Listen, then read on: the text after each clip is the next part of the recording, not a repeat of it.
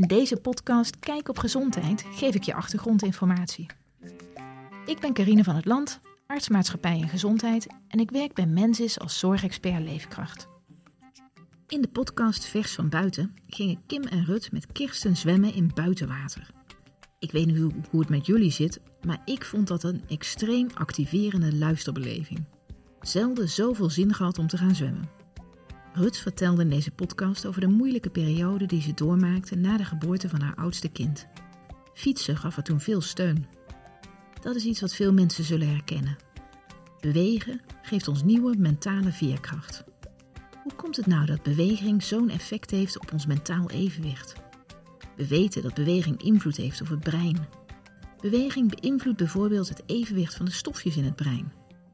Verschillende stofjes in het brein nemen toe door beweging. Een eerste stofje, wat echt best beroemd is, is dopamine. Dopamine zet het beloningssysteem van het brein aan. Wanneer dopamine vrijkomt, weet je zeker dat je iets geweldigs aan het doen bent en dat je dat heel graag nog eens doet. We krijgen een dopaminepiekje in ons brein als we heerlijk eten, als we seks hebben, als we doelen halen en ook als we bewegen. Serotonine is nog zo'n stofje. Serotonine geeft een gevoel van plezier en het versterkt onze zelfbeheersing. Het heeft ook een positief effect op slaap en geheugen. We krijgen meer serotonine in ons brein als we, als we bijvoorbeeld een knuffel krijgen van een geliefde, wanneer we zorgen voor kleine kinderen en ook wanneer we bewegen. Een laag serotoninegehalte wordt vaak gevonden bij mensen die last hebben van depressie en angst. Daarom krijgen deze mensen vaak als medicijnen middelen die de serotonine in het brein versterken. Als deze mensen stevig gaan bewegen, kan dat hetzelfde effect hebben op serotonine als die medicijnen hebben. Onze hersenen staan ook onder invloed van stofjes die we lichaams-eigen opiaten noemen. Dat zijn bijvoorbeeld de endorfine. Ze zorgen ervoor dat je bewegen lang kunt volhouden, door de goede stemming die je krijgt en door pijnsensaties te dempen. De lichaams-eigen opiaten komen pas vrij als je ze nodig gaat hebben. Ze beginnen toe te nemen na een half uurtje stevig bewegen.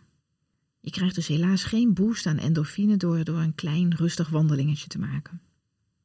Nou, dat geldt nog sterker voor onze lichaams-eigen cannabisachtige stoffen, de endocannabinoïden.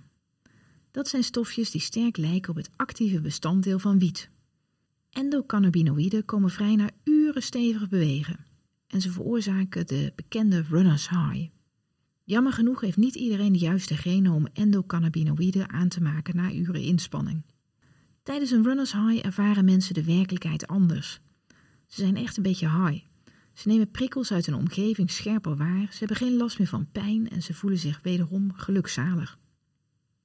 Nou, nog een ander stofje in het brein, dat wordt aangemaakt door beweging, is de groeifactor BDNF.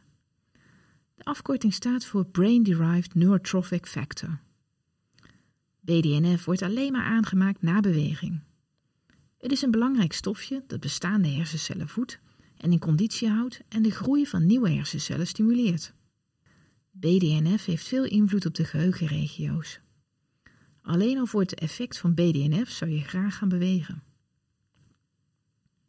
Samenvattend, de stofjes dopamine en serotonine geven beloning en plezier en nemen toe na beweging. Beweging kan een even sterk effect hebben op serotonine als de medicijnen die vaak worden voorgeschreven aan mensen die een depressie hebben.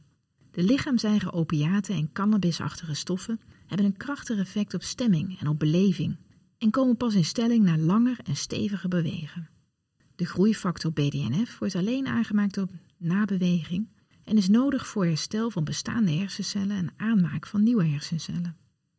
Zelf vind ik, vind ik dit fascinerende kennis stofjes in de hersenen en hun effecten.